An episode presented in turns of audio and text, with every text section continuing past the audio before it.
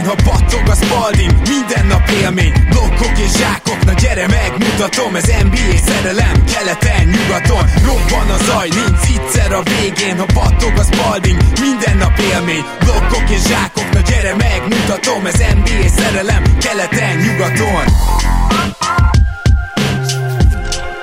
Hey jó! Szép jó napot kívánunk mindenkinek, ez itt a Rap City keleten-nyugaton podcast a mikrofonoknál, a már nekem is nagyon hiányzó Zukály Zoltán, és saját magam Rédai Gábor, akinek meg a podcast hiányzott, annak ellenére, hogy nagyon jól érezte magát az elmúlt másfél hétben. Sziasztok! Szia Zoli! Szia Gábor, sziasztok! Nagyon megtisztelsz, kicsit el is pirultam. Te is hiányoztál nekem, meg a podcast is hiányzott, bár nyilván amennyire időd engedte, te is azért nagyon sokat nem engedte egyébként, de azért egy pár sort gondolatot megosztottál velünk a meccsekről időközben. De például a Suns Mavs-ről és az ominózus szerintem nem csak számszerűleg, de ugye egyébként is kosárlabda szakmai szempontból is a párharcot teljesen megváltoztató 6.-7. meccsről sem hallottam még a gondolatidat, vagy olvastam, úgyhogy nagyon kíváncsi leszek arra, hogy, hogy ezek mik, és hát nyilván búcsúzunk, meg beharangozunk is. Már egy mérkőzés ismeretében, ami szintén nagyon-nagyon érdekes volt, és az ezzel kapcsolatos gondolataidat, a Heat Celtics első meccse kapcsolatos gondolataidat már ismerem, és azok is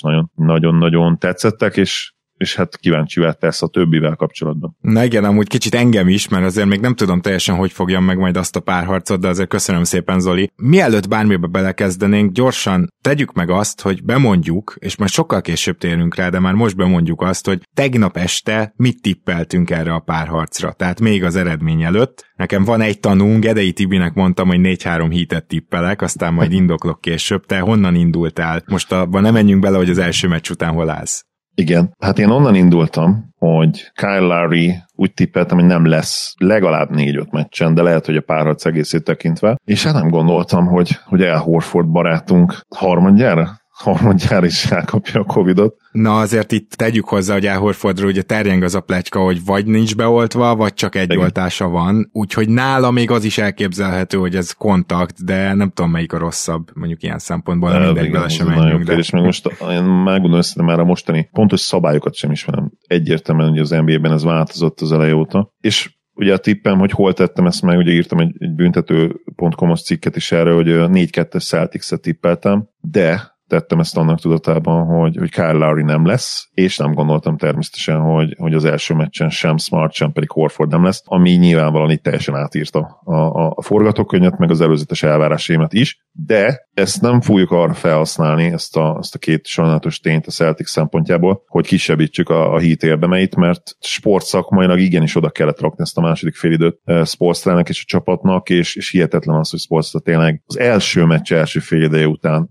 azt mondja, hogy elfi eleget láttam, akkor most ezen már változtatunk. Most jó gyerekek, nem, nem kell abban bíznunk, nem kell szokni ilyen mantra, amit én időnként utálok, hogy hát szeretem a csapatunkat. Amit kicsit ugye egy, egy badnak a, az alap tézise állapota, hogy hát ő ugye a harmadik, negyedik meccsig nem nagyon szeretne belenyúlni, akkor se, hogyha egy-kettő, mert hát we love our team, megoldjuk előbb-utóbb. Na, Spolstra nem ez. Spolstra meglátja a problémát, a probléma csíráját, azt azonnal ráönt mindenféle izé vegyszert, és, és rendszerint azért ez működni is szokott. Na, akkor ennyi kis teaser a mai adásból gyakorlatilag. Patreonon már kiraktuk, tehát aki esetleg ott nézte, az, az már mindenképpen tud róla, viszont azt hiszem, hogy kicsit pontosítanunk kell, tehát van egy akciónk a Repcity-nél, a playoff promóciós kóddal egészen a rájátszás végéig mindenből 10% kedvezmény kedvezményt kaptok, de ez a minden, ez NBA termékekre vonatkozik. Tehát legyen az Nike vagy Michelin Ness, bármi, de NBA termékekről van szó. Tehát amikor NBA terméket vásároltok, akkor playoff promokóddal 10% kedvezményetek van, kedves hallgatóink,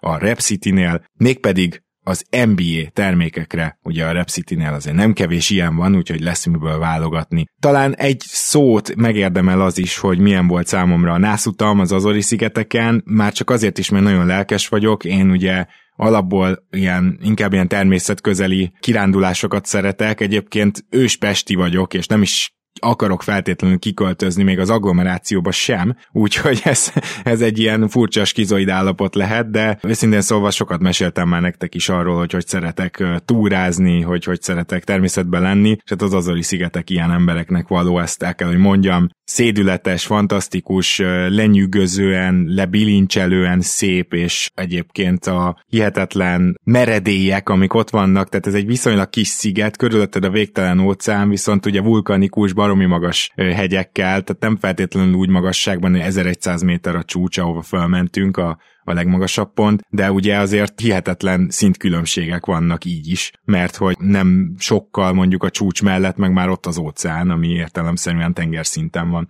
Az egész ilyen hihetetlenül zöld, olyan, mint Izland, csak kicsit melegebb verzióban, itt folyamatosan 17-20 fok van, tehát azért itt sem, itt sem izzadtunk, kivéve amikor éppen másztunk. Úgyhogy emiatt én nagyon-nagyon ajánlom igazából mindenkinek, aki az ilyen kalandokat szereti, és tényleg annyi élménnyel gazdagodtunk felségemmel, hogy, hogy egészen extra volt. Aztán volt még egy napunk Portóban, hát azt képzeljétek el, amikor egy ilyen teljes harmóniába érzed magad a környezettel, mindenhol bocik, meg voltunk bálnát nézni, és ugye én eléggé bálnamániás vagyok, úgyhogy az is ilyen életem élménye kategória volt, hogy láttunk kék bálnákat, és abból bemenni Portóba, hogy akkor egy délután alatt nézd végig a várost, vagy legalább a látnivalók felét. Hát nem tudtunk rá hangolódni, az finoman fogalmazva utazva sem, úgyhogy aztán, aztán jöttünk haza, de, de egy nagyon jól sikerült kis utazás volt. Hát ez fantasztikusan hangzott, hangzik, örülök neki, hogy jól éreztetek magatokat. Portugália az, az tényleg egy ilyen hihetetlen hely, és én nem voltam még ugyan, de, de azt hallottam, meg olvastam róla, hogy ilyen hihetetlen ötvözete a, a, az európai, de kicsit már ez a nem is tudom milyen nem, nem, a karibi szó jutott eszembe, de ez, ez túlzás. Ez de nem, nem állsz annyira messze tőle. Nem tudom, nem, nem rossz ez, de hát például ugye az a trópusi növényzet, ami az Azori szigeteken van, Igen meg a, ott az emberek egy kicsit, egy félúton vannak földrajzilag is Amerika és Európa között, de úgy érzem, hogy valahogy mentalitásban is, és például mindenki kiválóan beszélt angolul. Ha valaki esetleg utazott már Spanyolországba, azt tudja, hogy ez nem egy alapállapot azért Európában mai napig, hogy amikor Spanyolországban voltam, akkor konkrétan a trafikos nem tudott egy, nem is tudom, akkor még rendes cigit szívtam, de hogy hogy nem, tudom, nem tudtam egy cigit venni, annyira nem tudott angolul. Hát hát itt nem ez volt a helyzet. Szóval, szóval kicsit, kicsit ilyen mások. Én, én nagyon ezzel is elégedett voltam, tehát nagyon vendégszeretőek voltak. Meg hát bálnák és bocik mindenhol. Na jó, én azt én mondom, most, hogy, át, átkötést kérte, hogy ki volt még vendégszerető. meg, meg Suns rohadtul vendégszerető volt a hetedik meccsen. Jó, búcsúzzunk el a Suns-tól. Az a helyzet, hogy a Phoenix Sunsnak amekkora sikertörténet volt már igazából a Bubble-ben az a futás után a Chris Paul megszerzése, annyira ezzel párhuzamosan felmentek az elvárások, és ezért most ilyen nagyon durva, hát rost megy meg, meg hogy milyen nagyképűek voltak Chris Paul Booker, csomóan ezzel foglalkoznak.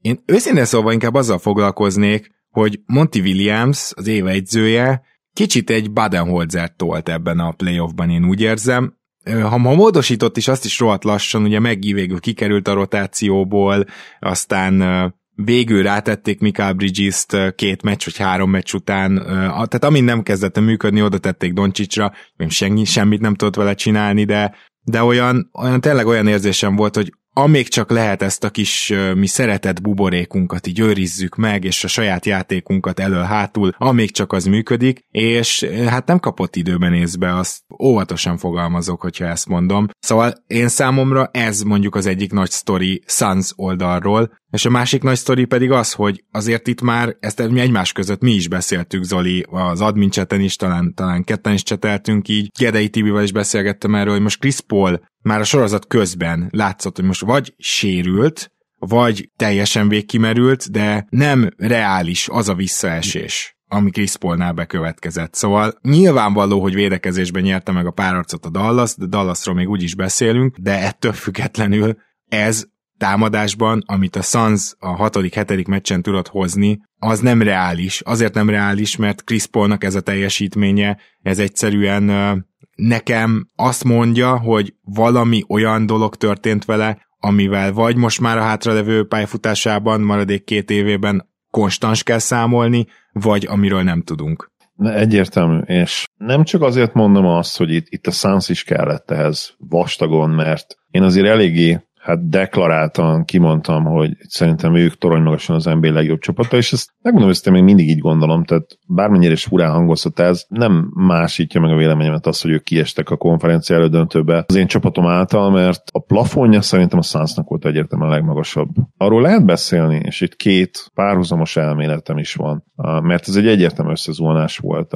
Az egyik elméletem az, hogy, hogy volt egy egy Warriors elleni meccs, talán a, talán a karácsonyi meccs, ahol nagyon idegesnek tűntek a Suns játékosok, és nagyon megverték őket. Javítsatok ki, ha tévedek, de azt mondom, hogy a Warriors ellen volt, és talán olyan statokra is emlékszem, hogy a 22-es naptárjében, ami például a Celticsnél ugye tudjuk, hogy mekkora kulcs volt, hogy 25-25-ös kezdés után gyakorlatilag 2022 legjobb csapata voltak azok még mindig. A Suns ebben a rész szakaszban azért visszaesett. A védekezésük egyértelműen visszaesett, nyilván utólag okos az ember, úgy utólag próbál okoskodni az ember, talán egy pontosabb, hogy lehet, hogy ott már elindult valami. A másik elmélet pedig, amint teszem, vagy J.J. Redick, vagy, vagy talán Bill Simmons mondott, most nem vagyok százszerzékig biztos benne, hogy, hogy egyszerűen a lőlapjuk, az az a mai ligában, a modern NBA-ben különleges és, és teljes outlier lőlapjuk, az úgymond segbe harapta őket. Tehát tarthatatlan. Nem tehetett talán ezek szerint meg azt, hogy, hogy ennyire szembe mész a trendekkel, mint amennyire ők szembe mennek. Hogy nem harcolsz ki büntetőket, és hogy nem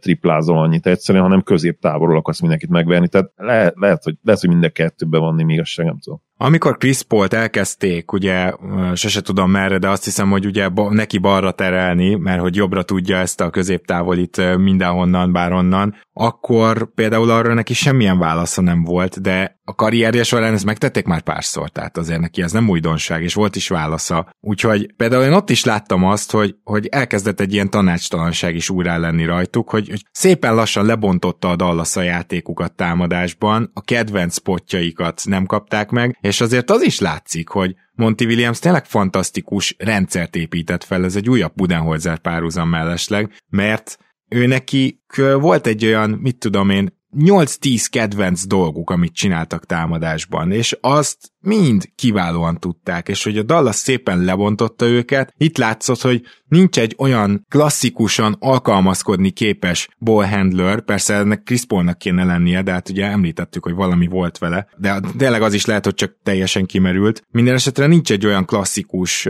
mindenhez alkalmazkodni képes ballhandler, mert Booker nem az, Aytonékról ne is beszéljünk ilyen szempontból, aki ugye mondjuk el tud indítani a másik 45-ről is, egy másik setupban egy pick and roll-t azonnal alkalmazkodni, hanem tényleg, mintha egy ilyen buborékon belül lettek volna egész évben, ahol az ő saját játékuk egyszerűen nem volt az ellenfeleknek ellenszere egészen idáig. Szóval picit ilyen érzésem van, és nem akarom az egészet Montira ráfogni, csak azt akarom mondani, hogy ő csinált valami olyat, amivel kihozta a maximumot ebből a brigádból, de ettől még ez egyetlen egy irány vég, végtére is, és ugye például sematikusan az, amit te mondtál, az nagyon megállja a helyét, hogy ebben az irányban nem nagyon volt gyűrűtámadás, nem nagyon volt falkiharcolás, nem dobtak extrém sok triplát, annak ellenére, hogy kiváló triplázóik vannak, és nagyon-nagyon jó százalékkal dobták őket. Szóval, hogy, hogy ebből aztán nem is tudtak kimozdulni, és láttuk a Bucksnak is korábbi években, hogy ez a végzete lett, csak nem tudom, hogy itt is van-e még annyi idő, hogy esetleg még két-három évig próbálkozzanak mert ugye Chris Paul miatt ez egy, ez egy teljesen jogos kérdés. Végül is azt gondolom ez lett egyrészt a vesztük, másrészt biztos vagyok benne, hogy sérülésekkel is bajlottak, de hogyha megnézed a rotációjukat, akkor lehet azt mondani, hogy egyel több ballhandler még jó lett volna, de igazából mindenki játszott, akinek játszania kellett. Így van, és most, most még nem akarom átvezetni a Mavs-re, úgyis beszélünk róluk ugye a konferencia döntő bearangozóban, és ott majd felmerül az is, hogy mit csináltak másképp is jól ezen a bizonyos hatodik és hetedik meccsen, vagy akár mit csináltak jól ugye a, a harmadik és a negyediken mert azok is nagyon-nagyon jól sikerültek az ő szemszögükből. A Suns jövőképe, azt gondolom, hogy, hogy viszonylag egyszerű a helyzet. Étont mindenképpen kimaxolod, és vagy megtartod, vagy ugye sign and trade, a vadabb plegykák, vagy inkább talán ötletek alapján erre is van esély. A legérdekesebb ötlet talán Stercer Peti barátunk, Fili szakértőnk ötlete, ami ugye egy Aiton sign and trade Goberért, ami, ami talán mind a két csapat számára tényleg érdekes lehet. De azt számomra nem kérdés, hogy vagy megadod a maxot egyből Étonnak, vagy hogy az egyértelmű szerződést, amit meg fog kapni, több helyről is megkapni, én azt gondolom legalább két-három helyről, azt meccseled. És van azért egy nem rossz fiatal, sőt, nem is nem rossz, hanem talán extra fiatal magja a Sunsnak véleményem szerint. Étonban én abszolút hiszek még, nyilván ez egy, ez egy nagyon rosszul sikerült uh, sorozat volt neki, bár itt is voltak egyébként jó meccsei, és én azt értem, hogy ő is azért valamennyire szemben megy a modern NBA-vel. Annak most nem látom értelmet, hogy beszéljünk arról, hogy most ő volt a jó draft kiválasztás nyilván, mert erről annyit beszéltünk, mert meg annyira egyértelmű erre a ha, ha így nézed egy vákum erre a kérdésre a válasz, mindenki Semmi értelme, most már eltelt négy most, év. Most már semmi értelme, igen. Plusz annyira egyértelmű lehet most már azért a választ minden csapatnak, aki, aki nem vitte el, ugye Lukát, de elvihette volna. És Chris Paul meg vissza akar térni, le fogja hívni, nem, nem is opció, hanem még van ugye még egy teljes év, és aztán egy nem teljesen garantált, szóval ő is egyértelműen vissza fog térni. Perc limiten kell tartani, és nem azt mondom, hogy csinálj mindent ugyanígy, mint ebbe az évben, mert azért valamit tanuljatok már ebből, légy szíves, napocskák, meg Monti, egy picit, majdnem kimondtam, hogy hibridizálni. De szóval volna. Öt, ötvözzük már a játékot egy picit, legyünk már sokoldalúbbak támadásban. A védekezés azt szerintem rendben van. Nyilván az utolsó hetedik meccsen minden, ami, ami dugába dőlhetett, az, az beledőlt abba a bizonyos dugába, bármi is legyen a duga. De egyébként az első hat meccsen a Suns védekezésével olyan nagy baj nem volt. Nem, nem volt, abszolút nagy baj nem volt vele, így van. És egyszerűen sokoldalúbbnak kell lenni, picivel több tripla, Bookernek agresszívebben kell támadni a gyűrűt, remélhetőleg Cam Johnson labda kezelése fejlődik, ő is tud egy picit előlépni. Michael bridges esetleg egy kicsit nagyobb terhet támadásban, mert ő alapvetően azért többre lenne képes szerintem, többen a játékában. Nem lesz nyilván soha igazi ballhandler, de kis betörés mutass már nekem még, egy, egy legyen cél az, hogy, hogy egy 16-17 pontot, 18 pontot átlagoljon jövőre, és legyen egy plusz fegyver a play az, hogy, hogy nem csak Bookerre és Póra kell készülnünk, hanem Mikael Bridges is most már tud olyan dolgokat csinálni, ami szerintem benne van. És, és nyilván Aiton, ez egy nagyon nagy, ő egy nagyon nagy kérdőjel, csapat szinten is, illetve ugye egyénileg is, de, de benne is sokkal-sokkal több van, tehát lehet még tovább növelni ezt, sőt, hát bőven hmm. növelni az agresszivitás. Értem, mire gondolsz, Zoli, de sokkal-sokkal több, az szerintem túlzás. Tehát, itt, itt van egy véleménykülönbség köztünk. Én Étom abszolút látom azt, hogy, hogy a liga egyértelműen harmadik legjobb center legyen Jokic és Embiid mögött, de, de egy akár igen tánszt is megelőzve, én abszolút ezt látom benne, de ugye tudjuk, hogy az én véleményem nem feltétlenül annyira pozitív tánszal kapcsolatban összességében, de szerintem ez a max potenciálja Étanak. Nyilvánvalóan Jokic és Embiid közelébe soha nem fog kerülni, de lehet all-star, többszörös all-star is, én abszolút látom benne ezt a potenciált. Hm. Igen, igen, itt tényleg van egy kis véleménykülönbség köztünk. Azért nem is akarok a másik oldalára se esni, hogy Aiton ne tudna még tovább fejlődni. Egyértelmű, hogy a dobásában például van potenciál, ezt szerintem ha, ha megnézed dobni, ha megnézed büntetőzni, ez, ez nem egy nagy ívű kijelentés. A védekezése az vannak, vannak sajátságos hibái még mindig, de rengeteget fejlődött az elmúlt két évben, úgyhogy én azt gondolom, hogy azon az oldalon viszont már mondjuk olyan ugrásszerűen nagy, ö, nagy potenciál nincs benne, és ez pedig azt jelenti, hogy egy átlag fölötti védő lesz, és egy valamivel átlag fölötti támadó lehet még, ami, ami már valószínűleg all tehát ez, ez benne van. Jó, én még egy dolgot szeretnék megjegyezni a Sanzal kapcsolatban, mégpedig azt, hogy eh, említettem ennek a ballhandlernek a hiányát, tehát Campaign egy tök jó játékos, eh, jó csere irányító olyan szempontból, hogy jól is védekezik, el is tudja dobni a triplát, érdekes, hogy ő sem tud betörni, tehát hogy nem csak a játékosoknak kell többet betörni, mert eh, nem feltétlenül ilyen típusúak, hanem elképzelhetőnek tartom, hogy a Sunsnak egy olyan típusú hatodik ember, akár gyengébb védekezéssel, akiket szoktunk így szeretni szídni, az nem jönne rosszul kettes posztra, mert ugye semmi sem ez. És, és egy ilyen cserekettest én, én nagyon nézegetnék a Sunsnál. Egyébként ugye nyilván tudjuk, hogy a wing rotációjuk, ha Aiton marad, akkor a center rotációjuk, ezzel, ezzel alapvetően nincsen nagy baj, és nekik a mélységükkel sem volt baj, de az az egy ilyen játékos, a szegény ember Dinvidia, vagy nem is tudom, de ez egy nagyon jó példa, tehát hogy, hogy az még, az még cél lehet. Nem tudom, hogy honnan tudják ezt egyébként megszerezni, mert nyilván a free agent piacról igazolni most, hogy már drága a csapat, nem lesz túl könnyű, de meg, megér egy próbát, hogy, hogy valamilyen típusú játékost akár draftról, második kör elejéről megpróbáljanak beszerezni. Na akkor búcsúzzunk el, a Philadelphia 76ers-től is, amelyiknél azt hiszem, hogy a legnagyobb ilyen kérdéseket végül is James Harden szolgáltatta, meg mindenki visszatért ahhoz a bizonyos cseréhez, amit például akkor mi mind a ketten win-win cserének értékeltünk, és most már inkább a lose-lose csere az, ami, az, amit hát így utólag mondanak rá, de én nem Bocsánat, gondolom... én úgy emlékszem, hogy Igen? vagy mind a ketten, vagy én biztos, hogy elmondtam, hogy ez lehet win-win, vagy lose-lose csere is, vagy win-lose, vagy lose-win.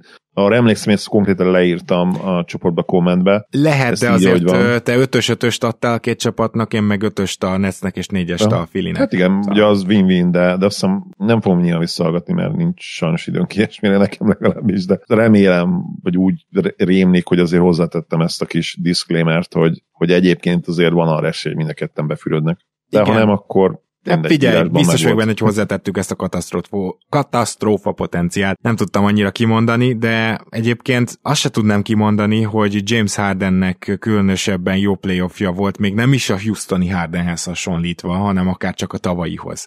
És volt két nagyon jó meccse, de például ugye sokan felhozták, hogy az utolsó meccsen teljesen eltűnt eset a védekezése az igazából ebben az évben volt a legszánalmasabb, és ezt a playoffra is sikerült nagyjából kivetítenie. Ugyanakkor azt tegyük hozzá, hogy a Philadelphia 76ers egy sérült, vagy félsérült Embiiddel már megint, de egyébként Embiid amikor játszott jó volt, illetve egy viszonylag egészségesnek tűnő kezdővel igazából nagyon jó dolgokat is mutatott ebben a rájátszásban, szóval tudom, hogy nem ez most a Fili narratíva, de én azt szeretném elmondani, hogy például Danny Greennek a sérülését azért sajnálom különösen, mert nem tudom, hogy mikor volt utoljára ilyen jó éve. És, és kezdett így olajozottan működni egyébként a Fili, a Raptors ellen is volt erre példa több meccsen, és aztán utána bizony, amikor visszajöttek kettő-kettőre, akkor is az, az egy meglepetésszerűen jó teljesítmény volt a Heat ellen, amelyiknek látjuk azért a védekezési potenciáját, és nem volt meg bennük az a plusz, hogy mindig Maxi vagy Harden hozzá tudjon tenni annyit támadásban, és ne vegyen el annyit védekezésben. Egyébként Maxit is most már nem először találom meg ebben a playoffban védekezésben, és ö, ő neki ebben tényleg fejlődnie kell. De hogy, de, de hogy ők, ők annyira pluszba tudják fordítani mondjuk minden második meccset, hogy, hogy a Miami átlépjenek. És nyilván nagyon érdekes utólag elgondolkozni azon, hogyha Embiidnek nincs a sérülése, hogyha nem ütközik össze Siakam könyökével az arca, akkor, akkor vajon szorosabb lett volna ez a párharc. Én azt gondolom, hogy erre megvan minden esély, hogy ez akár szorosabb is lehetett volna, és igen, most nyilván sokan szidják Duck Rivers, de nem szittuk tavaly? De, de, de, és, és ő nem lett jelentősen jobb egyző, kétségtelenül. Ugyanakkor szerintem ha van töke a Filinek, ami nincs egyelőre, Móri azt mondta, hogy Duck Rivers marad, akkor ha szereznének egy jó egyzőt, akkor szerintem tök ígéretes ez a mag, és nyilván kérdés, hogy mit csinálsz Hardennel, aki valahogy majd be akar lépni ebbe a szerződésbe, nyilván nagyon fontos lesz az, hogy ő jobb formába kerüljön, de azt akarom végül is kinyögni, hogy pozitívuma is voltak ennek a rájátszásnak a kiesés ellenére. Nyilván Embiid szezonja köré azért fel lehet építeni egy pozitív narratívát, hogyha próbálunk ebbe az irányba elmenni, mert pedig miért ne próbálnánk, vagy legalábbis be lehet dobni. Amíg ő egészséges tud maradni, addig, addig a Sixers mindig Dark Horse contender lesz, mindig sötét ló lesz, mert egyszerűen még ha nem is játszanak feltétlenül jól körülötte, ő akkor is magával tudja húzni az egész csapatot, és olyan hihetetlen impactja van a playoffban talán még inkább, ahol ugye azért a egy-két gyengébb lesz, meccsed lesz, amit azért a véde- védekezésben mindig Igen. Felkapcsol, és, és hihetetlen impactja van tényleg. Szóval ez nyilván jó, hogy van egy Joel Embiided, és amíg van, addig lehetsz pozitív, de az egész hardness szituáció, független attól, hogy egyébként sokat elkészítük most a playoff alatt, de de összességében azért nem, lát, nem játszott annyira rosszul a, a Sixers ellen, nem ez döntött összességében, nem az ő szerepe. A Heat ellen, Ő- de igen. A Heat ellen, igen, mit mondtam? Sixers. Sixers, igen. A jövőt nehéz elképzelni, a 34-35 éves Hardennel. Tehát ez itt igazából a problémám. És ezért is valahol remélem a Sixers helyébe is, hogy lehívja az utolsó évét, mert akkor lenne még egy év, amikor remélhetőleg ugye Harden egyrészt a következő szerződésért is játszik, és, és jobb fizikai formában érkezik meg, mint mondjuk azt idén tette, és van még egy esélyed nyerni most ezzel a kerettel, amely után simán dönthetsz úgy, hogy, hogy Embiid köré csinálsz egy ritult. Igen. Ahogy Dirk köré csinálta a Mavericks kétszer is, először pont, ha jól emlékszem, 28 éves korában, három évvel a, a majdani 2011-es bajnoki, az, az utána következő 2011-es bajnoki cím előtt. Tehát én ezt látom most a Filinek is, hogy jövőre menjünk neki, mert úgyse tudsz mit csinálni Hardennel, lehívja az opcióját, és, és talán, talán lehet ebből még valami, nyilván nem ideális a felállás, de, de meg kell próbálni, és aztán utána Ritul jöhet 23 nyarán Embiid köré. Maxi fantasztikus találat, Most Improved Player esélyes volt annak ellenére is, hogy másodéves, ugye ezt külön ki kell emelni. Tobias Harris, ha nem is a szerződéséhez mérten, de jól játszott a playoffban. Mm. Volt egy jó Danny Greenjük, mondjuk ő nem lesz nyilván, tehát ez a sérülés, ez valószínűleg. Szegény lehet, hogy soha többet sehol is innen legközelebb edzőként látjuk, mert egyébként szerintem szenzációs edző lenne belőle.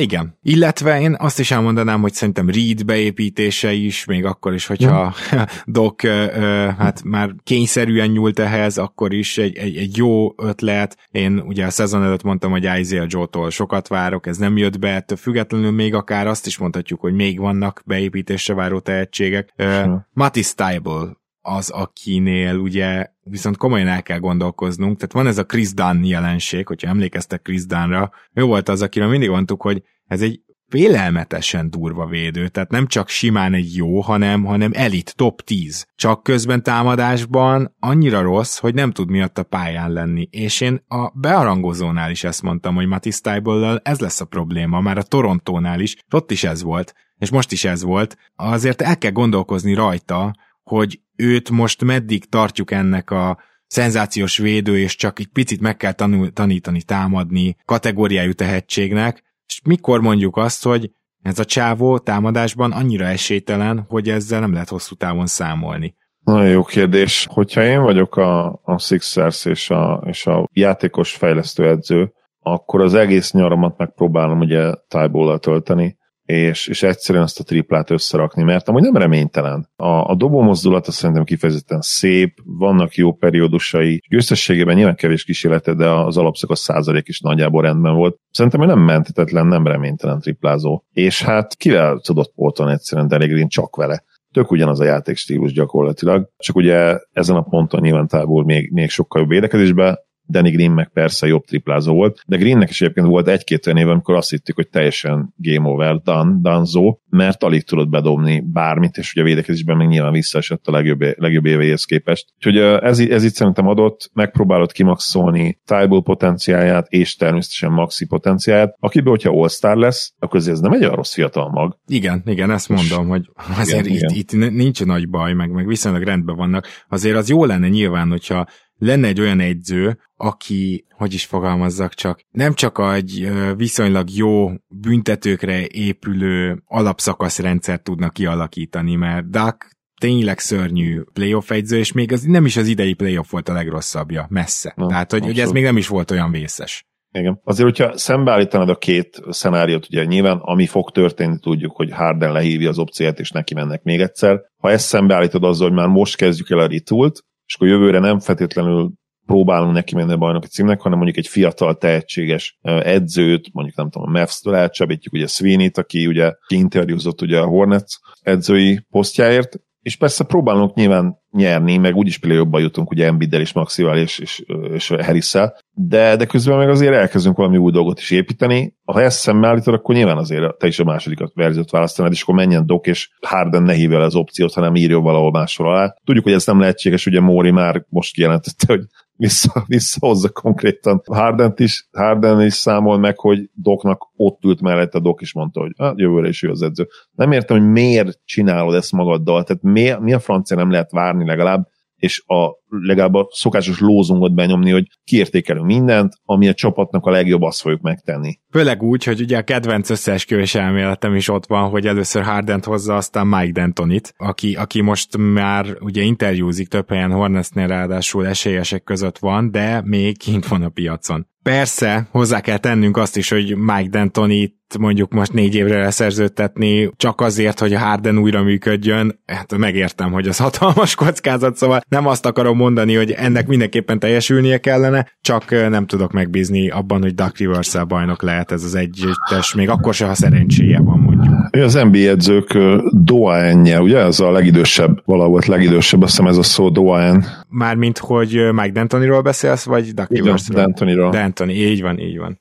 72 éves talán, és akkor most 5 4 évre. Hát igen. Az, az már 80 közel, azért az kemény. Hát az az. Ugye Hugh, B. Brown volt eddig a rekorder. Azt hiszem 7, pont 70, 71 egész valány. Olvastam a cégben 71 év és pár nap. Most csak fejből X mondom, de Jerry Sloan is megközelítette ezt, azt hiszem. Igen, ő is 70 felé hagyta abban. Azért az NBA edzőség más, mint a soccer foci edzőség. Bár az is nagyon nagy stressze jár a foci, de ott valamiért mégis viszonylag sok. De mondjuk nyilván ez a csapatok számából is van, tehát van Persze. több száz, több Persze. száz, hanem, hanem 500 vagy még több profi csapat. Ugye csak Európában, meg úgy össze-vissza, ott persze, hogy több 70 pluszos edzőt fogsz látni, az NBA-be itt valamiért ott már, ott már nyugdíjba mennek. Meg hát nyilván a, a lóvés elég komoly, tehát egy NBA edző azért nagyon-nagyon jól keres, még a szakörbe szerintem csak a, a legnagyobb csapatok edzői keresnek úgy igazán jól. Viszont Zoli, hogyha van még bármi a Filihez, akkor mond, ha nem, akkor szerintem búcsúzunk el a Grizzlies-től is. A Mexiről beszéltünk, rá leszek nagyon-nagyon kíváncsi jövőre, hogy, hogy tud-e még egy szintet lépni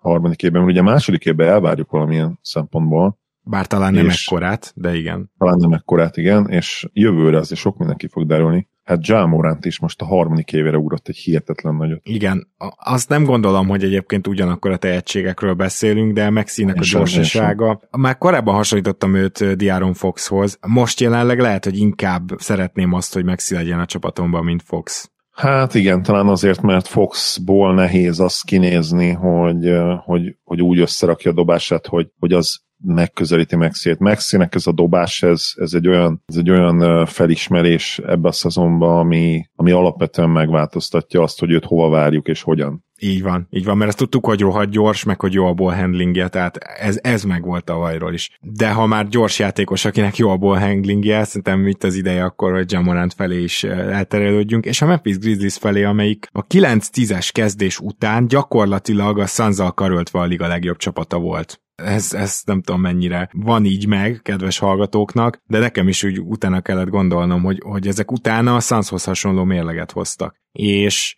nem csak a második hely az extra, ahova senki nem várta őket, tényleg nulla, senki, hanem az is, hogy kialakítottak egy, igaz, hogy inkább alapszakaszhoz illő, de egy, egy mentalitást, egy, egy játékstílust, ennek a csapatnak lett egy stílusa, egy nagyon kemény, sok támadó pattanót szedő, sok könnyű kosára törekvő csapat, de nyilván kicsit kényszerből is, mert félpályán még nem elég jók. Egy igazi handlerrel még nem vagy elég jó félpályán. Ugyanakkor Bane fejlődése, Jaren Jackson Jr. fejlődése, a minden belső fejlődés, gyakorlatilag csak Dylan Brooks volt az, akinek ez az éve majdnem kiment a kukába a sérülések miatt, és nem is tudott igazán visszatérni arra a szintre, ahol korábban már villanások elejéig láttuk őt, de, de mindenki más egyébként, Brandon Clark fantasztikus visszatérése, szóval meseszerű sztori volt, azt akarom mondani a Grizzlies idei szezonja, és igen, kiestek a Golden State ellen, ugye sokan írták azt, hogy a meccsek nagyobb részébe vezettek összességében, a Clutch clutchban azért a Golden State felülmúlta őket, illetve két olyan meccs is volt, amikor a Golden State lepattanózásba alaposan felülmúlta őket. Én ezért gondolom azt egyébként, hogy a GSV továbbjutása megérdemelt. Mert egyébként mind a két csapat elég rosszat hozott ki egymásból, és ez alatt a párharc alatt azt láthattuk, hogy, hogy hogy lehet lebontani a Golden State-et, és hogy lehet lebontani a Grizzlies-t, és volt, amikor ez egyszerre sikerült mindkettőjüknek, szóval nem ez volt a legmagasabb színvonalú párharc, az biztos. De, amit akarok mondani, hogy a Grizzliesnek azt gondolom, hogy nyilván még kell fejlődnie abban, és a nagy tanulság a szezonnak, hogy, hogy legyenek még ballhandlerök a pályán, például, hogy Dylan Brooksnak ne ezt a minden szart eldobok verzióját látjuk, mert egyébként így is plusz-minusz király, és így is a védek védekezése annyit jelent a csapatnak, hogy megőrülsz, hogy ebbe Bane még tovább tud fejlődni, stb. stb. Tehát értjük, ebben még fejlődniük kell, hogy a féltám, félpályás támadásuk is playoff képes legyen. De az volt a durva, hogy igazából a saját stílusokkal majdnem, hogy teljes mértékben tudtak érvényesülni. Tehát igen, most kikaptak a Golden State ellen, de ez a párharc is jóval szorosabb volt ennél a 4-2-nél, még úgy is, hogy Morant megsérült, és nem játszott az utolsó három meccsen, illetve a labdaszerzések abszolút megvoltak, a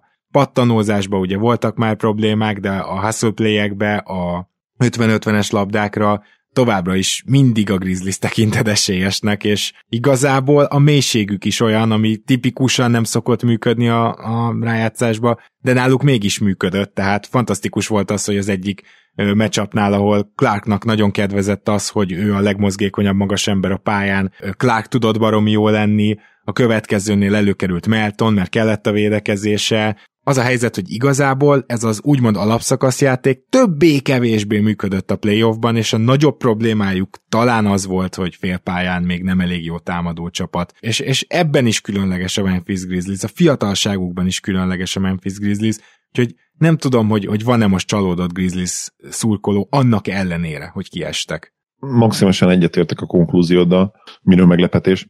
Azért az már egyébként látszott Timberwolves ellen, hogy, hogy ez a ha őszinték vagyunk, hogy ez a Grizzlies idén azért még nem fog bajnoki címet nyerni, mert kiütköztek azok a, azok tényleg jellemzően fiatal csapatokról elmondható dolgok, amik, amik hát limitálják azért a, azt a végkimenetelt, amit szeretnél egy kosárlabda csapatként az NBA-ben, amikor tudjuk, hogy milyen hihetetlen magas azért az ellenfelek átlagos színvonal a play-offban. Ennek ellenére ez egy hihetetlenül kompetitív második kör volt a, a Warriors és a, és a Grizzlies között, és még azok a Warriors fanok is, amelyek azt mondják, hogy ők hat meccses továbbítást váltak, és azért hát számítottak rá, hogy azért már most elég erős ez a Memphis, fiatal Memphis csapat, és egy kicsit megszenvednek. Szerintem ők sem e, ilyen, ilyen forgatókönyvre gondoltak. Tehát a, azt hiszem a hányadik meccs volt, amikor teljesen leolvadt a Warriors? Az, az ötödik a... meccs volt, az egy brutális nagy verés volt, igen. Az, az egy, hát azt hiszem 57 ponttal vezetett a Memphis. Uh-huh. Az volt a, a legmagasabb, a legnagyobb különbség a két csapat között. Na, azért az se, arra senki nem számított, hogy lesz egy ilyen Warriors meccs, amikor totálisan ledominálják őket, és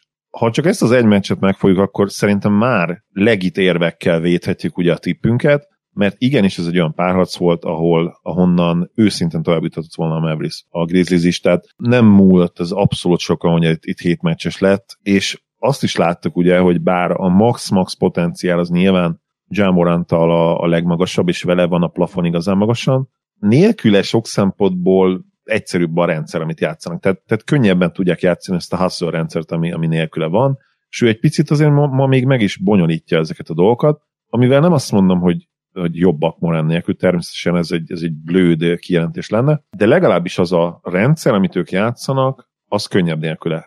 Ez szerintem így árnyalt és, és így, így helytálló. És Hát meg főleg ugye, ugye a védekezésük, ott azért tényleg jelentős a különbség. Igen. És egyébként ez pozitívum is, mert ha azt nézed, hogy ha egyszer majd hasonlóan esetleg ahhoz, amit most talán a Mavericksnél látunk, akikről még beszélünk ma, bele tudod helyezni a Morant rendszert a Grizzlies rendszerbe, és a kettő együtt tud nem csak talán létezni, hanem, hanem szimbiózisba is kerül, na akkor látjuk majd. Én azt gondolom, hogy minden évben a macikat a konferencia döntőben minimum, de sokszor a döntőben is, és, és előbb-utóbb ez a csapat szerintem nyerni fog. Ha mindenkit meg tudnak tartani, és, és megtartják ezt a, ezt a csapatszellemet, ezt a, ezt a, ezt a különleges valamit, ami azért Memphisben igenis megvan, akkor el tudják hozni nekik a, a város első bajnoki címét, és egyébként ez egy olyan szurkoltábor, ami, ami, ami tényleg különleges, és, és a város is különleges, és imádják az NBA kosárlabdát, és van egy saját identitásuk, ami, ami szerintem bajnoki címet fog hozni előbb-utóbb. Ugye szoktuk őket hasonlítani a Warriorshoz, vagy a Spurshoz, nekem még a, a Blazers is eszembe jut, tehát hogy mondjuk mi lett volna, ha, és mi lehetett volna ugye abból a trióból, az Oden, Aldridge, Brandon Roy trióból, utoljára akkor éreztem ezt, és akkor láttam egy ennyire komoly potenciál bíró csapatot. Nyilván az okc kívül, mert ők az egyértelműen ebbe a sorba voltak, sőt, hát talán minden idők legjobb jövőképpen rendelkező fiatal sztárgárdája volt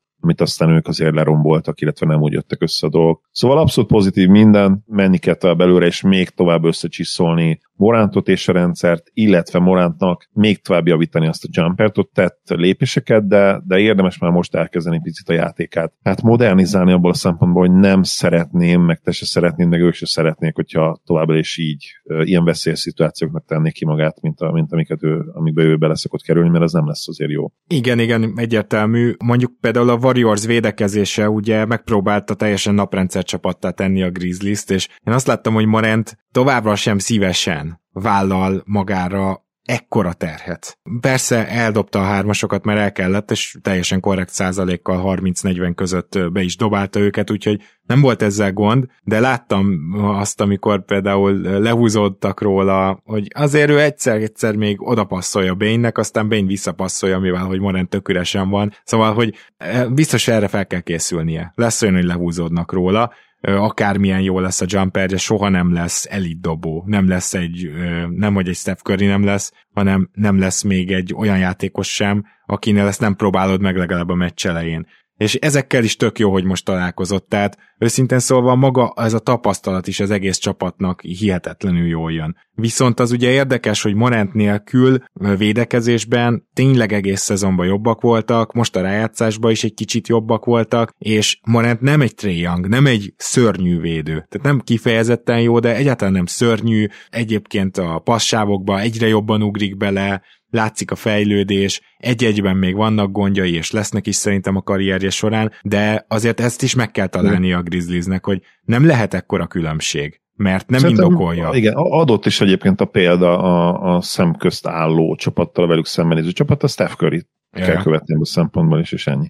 Ja, ja. Ő is ugye a kezdeti, hát talán Steph az elején azért, ha nem is Tréján kategória, de nem sokkal felette volt, és egész vállalható védővé vált az évek során. Most már nyilván van egy le, újabb egy ilyen lefelé menő dolognál, tehát mert nyilván nem fog úgy védekezni, meg nem is védekezik úgy ebben a play mint mondjuk 2015-ben, 6-ban, 7-ben tette, de abszolút vállalható, és talán nem mínusz, mínusz egy ember már, vagy maximum a legnehezebb meccsapok ellen, ami nyilván az mindenkire igaz, tehát nem igen. csak őt vadásszák, hanem Chris Paul-t is vadázták, aki pedig ugye elitvédő. Igen, igen, igen. Na, még talán egyetlen egy kérdés van a memphis kapcsolatban, hogy Kyle Anderson megtartása egy dolog, de Tyus Jones az nem biztos, hogy könnyű lesz, ha például a New York le csúszik, a Dame Lillard vonatról, nem hát gondolják, hogy... neki itt a Gyuri, Gyuri barátunk, a Maja Gyuri barátunkkal volt egy kis vitánk. Én nem tudom elképzelni, hogy ilyen évi 15-öt, mert ő azt is vizionálta. Szerintem ilyen évi 11-2 max, de lehet, hogy tévedek. Igen, és az is kérdés viszont ettől függetlenül, hogy évi 11-2-ért megtartasz egy csereirányítót, de hozzáteszem, hogy azért hajlok az igen felé,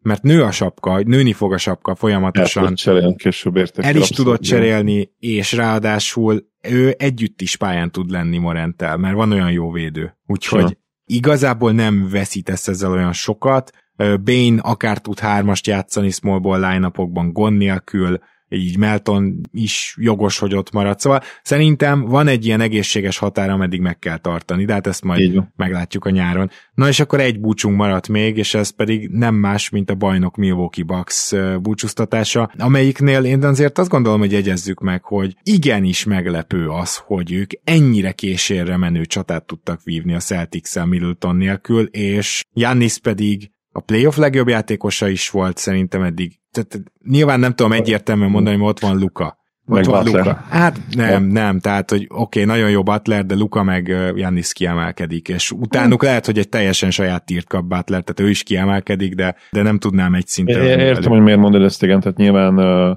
Butler úgy hozza ezeket a statokat, amik egyébként jobb statok, hogy azért ő nem kap talán akkora figyelmet, mint Luka vagy, vagy ugye Jannis. Ebben mindenképpen egyetértek, igen. Igen, én azt gondolom, hogy ő akkora terhet sem cipel, mint Luka vagy Jannis. Ez is valószínűleg igaz. Igen. De, de szóval Jannis félelmetes volt.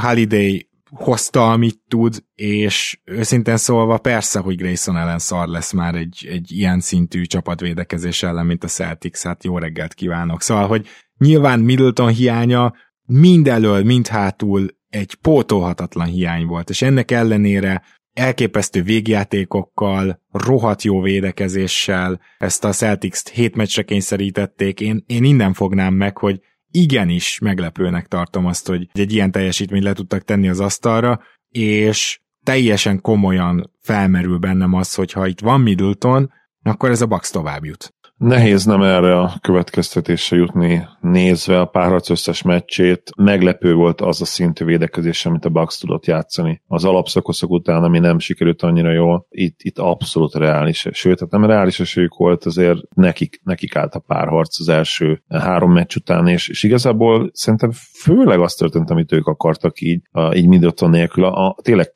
abszolút kimaxolták ezt a dolgot, simán tovább jutottak volna akár hat meccsen. Nyilván Tatum, Jason Tatum, LeBron-szerű hatodik meccsét, ugye LeBron a Celtics elleni hatodik meccséről beszélek 2012-ről talán. Igen egy olyat előhúzott, tehát azért minden, minden dicséretet megérdemel, de itt abszolút benne volt a Bucks továbbítása, és, és Jannis űr kosaradát játszott. Nyilván a hatékonysága nem volt annyira jó, de, de itt, itt megint LeBron-t venném elő, és mondjuk a 2010 Ötös döntő lesz az? Ötös döntő, Igen. így van, 2015-ös döntött, hogy, hogy egyszerűen nem lehet leírni őt azért, mert 50% körüli TS-sel dolgozott, mert ez igenis az a kivétel, amikor ennek ellenére is látnunk kell a nagyságát mert egy, egyrészt egy elitvédő csapat volt az ellenfél, másrészt pedig tényleg hihetetlen teher volt. Akkor LeBronon és most Jannison is. Meg én azt hiszem, hogy nagyon fontos hozzátenni Jannis minden másban, egyszerűen a játék minden területén elit impactet hoz, lepattanózásban, védekezésbe, besegítő védekezésbe és egy-egybe egyaránt, hogy ilyen játékost tényleg olyan ritkán látni, és én ezért gondolom azt, egyrészt szerintem az, az nem is nagyon, vagy nagyon nehéz azzal vitatkozni, hogy ő a legjobb játékos jelenleg a világon, de azzal is nehéz, nehéz, de azzal is nehéz lenne vitatkozni, hogy az ő, amit ő most itt letett az asztalra playoffban, az, az szinte bárki ellen továbbjutást ért volna, csak szembe jött egy olyan csapatvédekezés, ami az ő hatékonyságát is le tudta venni így, hogy ekkora terhet cipel, és minden gyengességét ki tudta támadásban ö, zsigerelni gyakorlatilag, vagy hát úgymond kihasználni a Bucksnak. És ez, hogy ennek ellenére lett 4-3, ezt ezért tartom nagy dolognak, de még egy dolgot szerintem érdemes hozzátenni ez a szezonhoz. A Bucks ugyanezzel a gárdával nekifut jövőre, és bajnok esélyes lesz. Tehát, hogy nem az van, hogy lelepleződött valami, Nyilván ők ahhoz tudtak nyúlni, tudnak ők azért máshogy is védekezni, nem csak ennyire behúzódva, de nekik annyira kellett, hogy Brook Lopez pályán maradjon, hogy nem tudtak más tenni. Tehát itt most nem tudom elővenni Budenholzert. Mert ezt kellett tenniük, különben a rotációjuk leszűkült volna olyan Neked, szintre. Ők ezzel nyertek bajnoki címet, tehát most Persze. lehet ekézni, hogy oké, okay, a szétdobta őket triplából ugye a, a Celtics, a Celtics ami igaz, de, de hát ha ez, ez működött, és valahol ez döntés kérdése. Szerintem is egyébként megkérdezhető döntés, tehát, de valahol meg kényszerűség is szülte, igen. Így van. Annak ellenére, annak ellenére is mondom, hogy egyébként ez az alaptaktikájuk is, amikor mindenki egészséges, akkor is. Igen, azért, szóval én szerintem tudtak volna ennél többet módosítani, ha van, ha van az a láncszem még ott a rotációban. Őszintén szólva, hogyha az ő idényüket az alapján akarnám osztályozni, hogy mik voltak az elvárásaik, akkor természetesen muszáj lenne némi negatív élt csempésznem mindebbe, de nem az van, hogy itt az NBA-ben automatikusan dinasztia vagy attól, hogy bajnoki címet nyertél. Ez a Golden State miatt esetleg szerintem belemászik az emberek agyába, de nem, hát ez egy rohadt nehéz liga, baromi kiegyensúlyozott liga, és, és abszolút állva haltak meg, hogy úgy mondjam, úgyhogy én szerintem elégedettek lehetnek, a Middleton sérülés rosszkor jött, ez van, Egyébként Middleton már megint Wolverine-kedett, tehát ugye Kyle Lowry mondta magáról, hogy hát ő majd visszatér, mert hát hogy ő a rozsomák, és ő, ő, ő visszatér a sérülésből, de Middletonról tudjuk, hogy ő tényleg ilyen, és majdnem, majdnem szóba került a visszatérése egy körülbelül egy hónapos sérülés elszenvedése után, de nem gondolom, hogy azt már javított vagy rontott volna a helyzeten, hogyha ő még félsérülten beáll játszani. Minden esetre jövőre egy kicsit több mélységet muszáj lesz összeszedniük, és ugye az is kérdés, hogy Brook Lopez meddig bírja ezt még, mert most is védekezésben óriási impactja van. Hogyha ő tud gyűrűt védeni, akkor az az NBA egyik legjobb rim protection ez a helyzet. És a Bucksnak nyilván ezt használnia kell, amíg tudja, Úgyhogy ilyen kérdések vannak, hogy konkrétan ennek a csapatnak, így Wesley matthews meg, meg Brook Lopezzel, Ritul nélkül még meddig tart ez az ablak, de Jannis és azt mondom Middleton és Holiday körül még biztos, hogy egy 3-4 évig, vagy akár 5. Simán mindent elmondtál, szerintem beleköthetetlen, és e-, ezek a tények a Bucksnak neki kell mennie, neki is fognak menni, és még nyerhetnek bajnoki címet legalább 3-4 évig. Nyilván nem egy tökéletes csapat, nem lesz soha dinasztia csapat, ezt is azért látjuk már, de, de legit contender legalább egy fél évtizeden keresztül. Jannis pedig ugye halad tovább, hát a top 15 felé mindenképp, Igen. de az ő plafonját is azért én még nem, nem húznám be oda, hogy feltétlenül 10 és 15 között lehet, mert még akár feljebb is lehet. A, a top 5 az már azért valószínűleg necces így. Bár mondjuk azt nézzük, hogy Jordan 28 évesen kezdett el nyerni, még, még akár az se lehetetlen, csak mondjuk szerintem Janis nem fog annyira jól öregedni azért, mint hogy akár egy MJ Igen, azt nehéz elképzelni. Akkor viszont beszéljünk most a két párharcra, amit be kell harangoznunk, és ha már keleten hagytuk abba, akkor nyugaton kezdjünk. A Golden State Warriors és a Dallas Mavericks párharcának az egyik legfontosabb kérdése szerintem egy nagyon banális kérdés, és ezzel nem azt akarom mondani, hogy a teljes Warriors automatikusan megverni a Mavs-t, mert a Mavs olyan dolgokat mutatott ebbe a rájátszásba, ami miatt ezt nem menném kijelenteni, de a sérült fáradt Warriors mennyire sérült és mennyire fáradt. Ez szerintem egy kulcskérdés, mert én úgy gondolom, hogy már a Memphis széria végére is. Lehet, hogy csak a Memphis tényleg annyira rossz matchup volt, hogy, hogy nem tudták a szebbik játékukat mutatni támadásban sem, és védekezésben pedig tehát elkezdett repedezni az a bizonyos hajó, de hogyha ez a trend folytatódik, már pedig szerintem minden jel arra mutat, hogy folytatódni fog, és ezt még a Warriors drukkerek közül is többen leírták, hogy hát ez a csapat ki van készülve már most, akkor a Dallasnak itt az alkalom, hogy először bejusson Luka Doncsicsal, vagy a Luka Doncsics érában a döntőbe, mert a Dallas azt gondolom, hogy ilyen szempontból stabilabb. Hiába, hogy 7,5-8 emberes a rotáció, ha itt nem sérül meg senki, hogyha ők ezt bírják, akkor a két csapat közül meccsről meccsre stabilabbnak én egyértelműen a Mavericks-et mondanám nyerhet ez az idei Warriors bajnoki címet? Azt gondolom ezen a ponton ki kell jelentenünk, hogy igen. Igen, igen. igen. Egyértelmű. Mind a, négy, mind a négy csapat nyerhet gyakorlatilag, abszolút, mert abszolút, egyik sem emelkedik ki. E- erre a következtetésre kell jutnunk ezen a ponton egyértelmű. Nyerhet-e úgy a Warriors, mint a régi Warriors? Nem, ez is egyértelműen nem. Ha, ha itt a Warriors nyer, és nem csak a Mavericks-et, de a döntőt is megnyerik, akkor az egy, az egy, az egy olyan hihetetlenül megharcolt út lesz, ami lehet, hogy őszintén örökre kifingatja őket, és amit valószínűleg nem is bánnának ők sem, ők maguk sem, ugye sem Clay, sem Curry, mert, mert hihetetlen sokat jelent ennek a csapatnak egy, egy bajnoki cím. Öregednek, egyértelműen öregednek, nem mindig egészségesek már egyértelmű. Clay nem teljesen ugyanaz a játékos védekezésben, mint volt. De az is hatalmas meglepetés, hogy támadásban hasonló egyébként.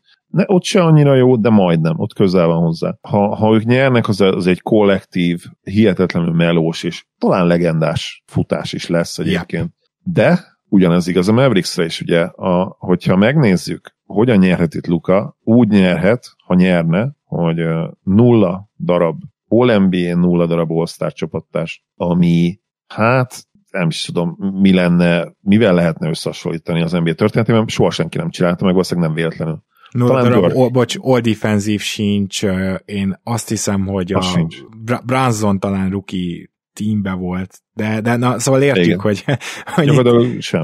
Viszont nyilván ezzel nem azt akarom mondani, hogy itt akkor most hirtelen Lukát, ú, Luka az Isten, és akkor ezt a borzasztó csapatot döntőbe vissza, ilyen nincsen, ezt még soha senki nem tette meg, Doncsics, Doncsics sem tenni meg, mert azt lássuk azért, hogy egészen elképesztő teljesítmény nyújt uh, Maxi, őszintén a, a kiegészítő emberek közül a, a liga egyik legjobb játékos a play Elképesztő. Branson. Bocs, bocs, muszáj megállnom Maxinél, mert tudod, én egész Igen. évben már dicsértem, még akkor is, amikor te szkeptikus voltál, és nem csak azért, hogy most ilyen nagy megnyugvás érzésem van, hogy nem beszéltem hülyeségeket, nem láttam én azt, hogy Maxi visszatért védekezésben, de hogy hidd ezt a fantasztikus uh, triple switch rendszert, amiben bújtatta Lukát ugye amikor hát gyakorlatilag hárman cserélnek, meg előcserélnek azért, hogy ne Luka legyen a állandóan a legfőbb támadott játékos. Hogy ezt például Maxi nélkül meg nem tudta volna csinálni, az biztos. Az, hogy, hogy Maxi egy ilyen Bem Adebayo-szerű impacten rendelkezik gyakorlatilag itt a playoffban, az még számomra is meglepő, aki egész évben dicsértem őt. És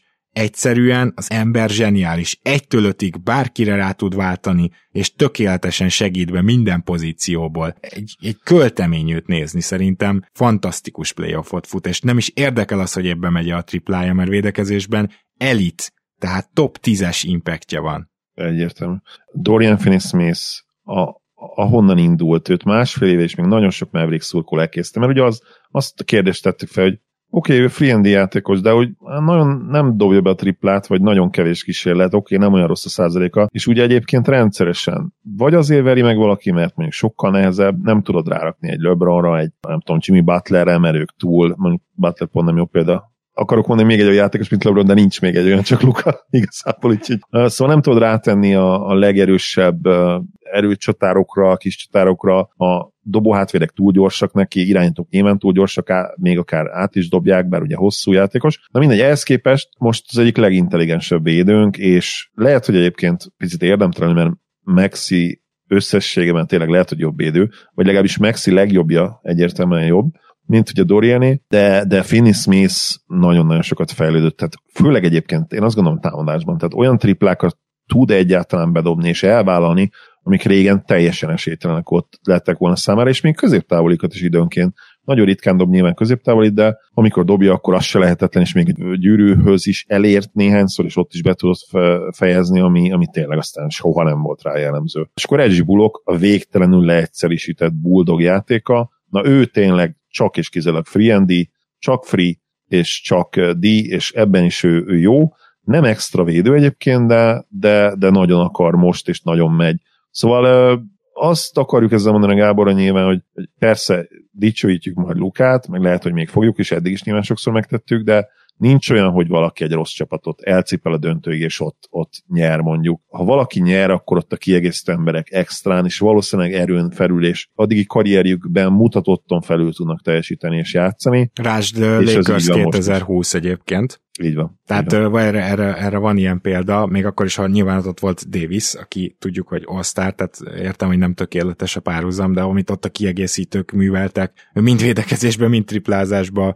az, az egészen félmetes volt. Ebben a párharcban ez a leszűkült hét és fél főre leszűkült, ugye Nilikin is csak a védekezés miatt kerül be és marad ott, rotáció, végül is a szintén leszűkült, de inkább sérülések miatt leszűkült Golden State rotációval szemben egy olyan fegyver lehet, ahol gyakorlatilag azt a három shootert, akit, akit valamennyire meg kell fogni, és egyáltalán nem lehet feladni, talán tudja kezelni, de ez nem jelenti azt, hogy nem lesz olyan meccse megint a Warriorsnak, mint a Grizzlies ellen is volt egy, amikor egyszerűen fáradtabb az ellenfél, nem ér valamiért oda, nem ér annyira kiadobásokra, és mindegy is, mert a Warriors úgy is bedobja. De a Warriors-t megverni nem itt kell, hanem nagyon nem szabad, hogy hagyja a Mavericks azt, hogy a Warriors lepattanózásban hustle föléjük kerekedjen, már pedig a GSV-nek azt gondolom ennél jobb út ilyen szempontból nem is létezett, mint a Grizzlies ellen ezt beélesíteni.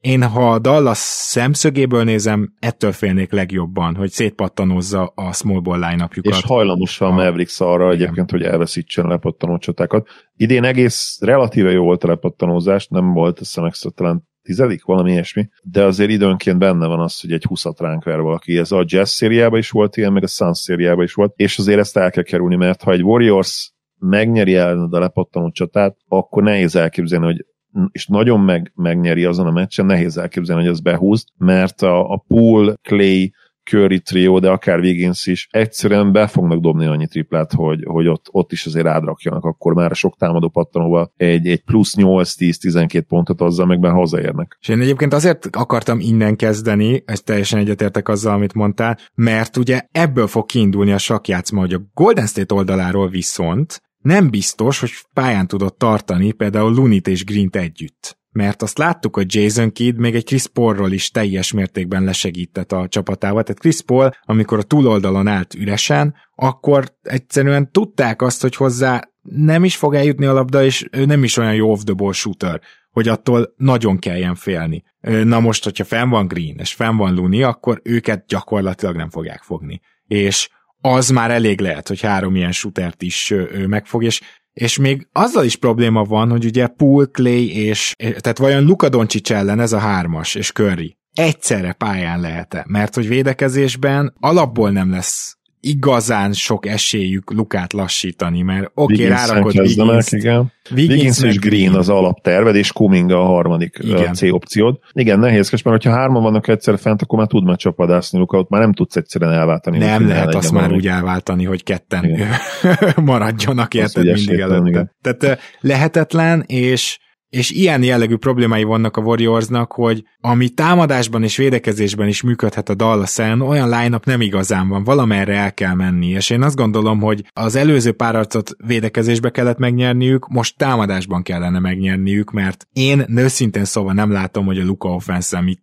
lehet csinálni le, lehet, hogy Draymond Greenben még van valami olyan fokozat, amit nem láttunk, és, és meccseken át zavarja majd Lukát, csak úgy érzem, hogyha Lukára valamilyen védekezés beállítasz, azt ő már az első negyed második felében ö, átlátja, és legkésőbb a második negyedben már simán adoptálódik. Igen, hát nehéz. Ezzel Vigin, mi Vigins a szart kezdesz? Talán. talán Wiggins vagy Kuminga, akik uh, Kuminga nagyon hasonló Ben Simmonshoz felépítésben, csak még atletikusabb. Ugye Ben Simmons a legjobb Luka védő magasan az egész ligában, de hát nyilván Kuminga nem annyira, sokkal fiatalabb is, meg nem annyira intelligens védő azért, mint Simons, akit ugye rommá késztünk már milliószor, de ebben nem nagyon lehet belekötni, hogy hogy egészen elképesztő perimétervédő. Jó, de és Kumingát szerintem Doncsics körülbelül kettő perc alatt fog kipontozni. Ez, ah, igen, ezt akartam mondani, hogy falt problémába kergetni pillanatok alatt. Egyébként nagyon érdekes lesz az a dinamika szerintem, és én itt fognám meg a párharcot, hogy a, a Mavericksnek nagyon jól ment eddig az, hogy lekergették a tripláról a jazz is, aki ugye le, magasan a legtöbb triplát yep. dobta rá a ligában, alig volt kísérletük magukhoz képest a Mavericks mert annyira jól kiértek rá.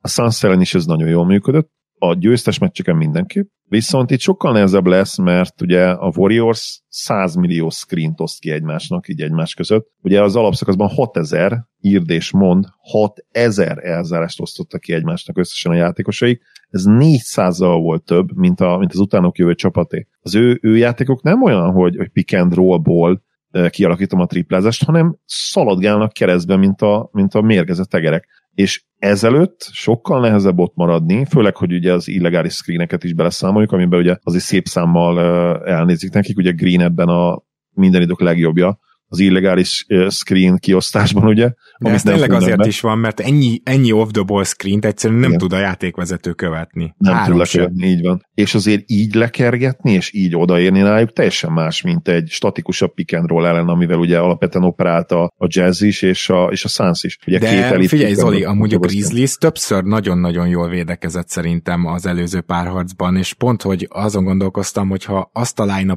nézed, amiben Brandon Clark a center, vagy amiben Jaren Jackson Jr. a center, az egy hasonló történet. Azt nagyjából le tudja másolni a Dallas. Itt... Maximum, igen. Ez kell mindenképp, és ez lesz a kulcs, és ha, ha a triplát, triplát valamilyen szinten el tudják venni, nyilván nem fogod elvenni egy Steph curry egy Clay Thompson-tól, egy, egy pultól is most már nem fogod elvenni, úgy, vagy Wigginset is említetném, aki azt hiszem idén szintén 40% felett triplázott valami 4-5 kísérlettel, de, de ha limitálni tudod őket valamennyire, akkor, akkor valami olyat megtaláltál, ami, ami, ami minimum szerintem hosszúra nyújtja ezt a sorozatot. Uh-huh. Még a Golden State szempontjából mondanám el az egyik ilyen legfőbb remény, reményt szerintem nekik, az pedig az, hogy a Mavericksnek a kiegészítői sem biztos, hogy fogják bírni ezt a tempót. Mert Doncsics Doncsicsot is láttuk már fáradtan, csak az, hogy a következő meccsre ő azt elfelejti. Tehát ő, úgymond szerintem itt a fiatalság energiájából él Doncsics, még ő már többször mondtuk, hogy nincs abban a fizikai állapotban, amiben kéne lennie egy akár all-time top 10-es, top 5-ös szupersztárnak, tehát a, a sportág legnagyobbjainak egyike lehető. Ez szerintem most már nagyon furcsa lenne azt mondani, hogy á nem.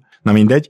Ehhez, ehhez azért majd fel kell érnie fizikailag is arra a szintre. Most még nincs, de ma azért nem az van. Egészségesnek kell maradni, és ez, itt, itt bejön az is, hogy, hogy hogyan készülsz rá szezonokra, igenis, mert Lukának eddig nem volt súlyos sérülése, le is kopogom, de apróbb ilyen, ilyen, ilyen problémái rendszeresen vannak, és ez azért jelzés is szerintem felé, hogy hogy jobban karban kell tartani magát, már ennyire fiatalon, mert LeBron ugye nagy, nagy idóját akkor tudja mondjuk eredményekben megközelíteni, fogalmazunk így, nagyon valószínűtlen, hogy valaha utoléri, ha ő maga is hasonlóan ezt is tudja másolni, hogy, hogy egészséges tud maradni, és el tudja kerülni a súlyos sérüléseket, ami egyrészt nyilván genetika, egyrészt szerencse, de, de a harmadik kis rész, és nem is olyan kis rész, talán nem lehet, hogy mondjuk 33-33-33 százalék ez, az, hogy mit, mit teszel, hogyan csinálod meg a, a karbantartó gyakorlatokat, mennyi energiát fektetsz bele, és ebben Lukának azért igenis van hova fejlődnie. Hogy figyelsz az alvásra, így van.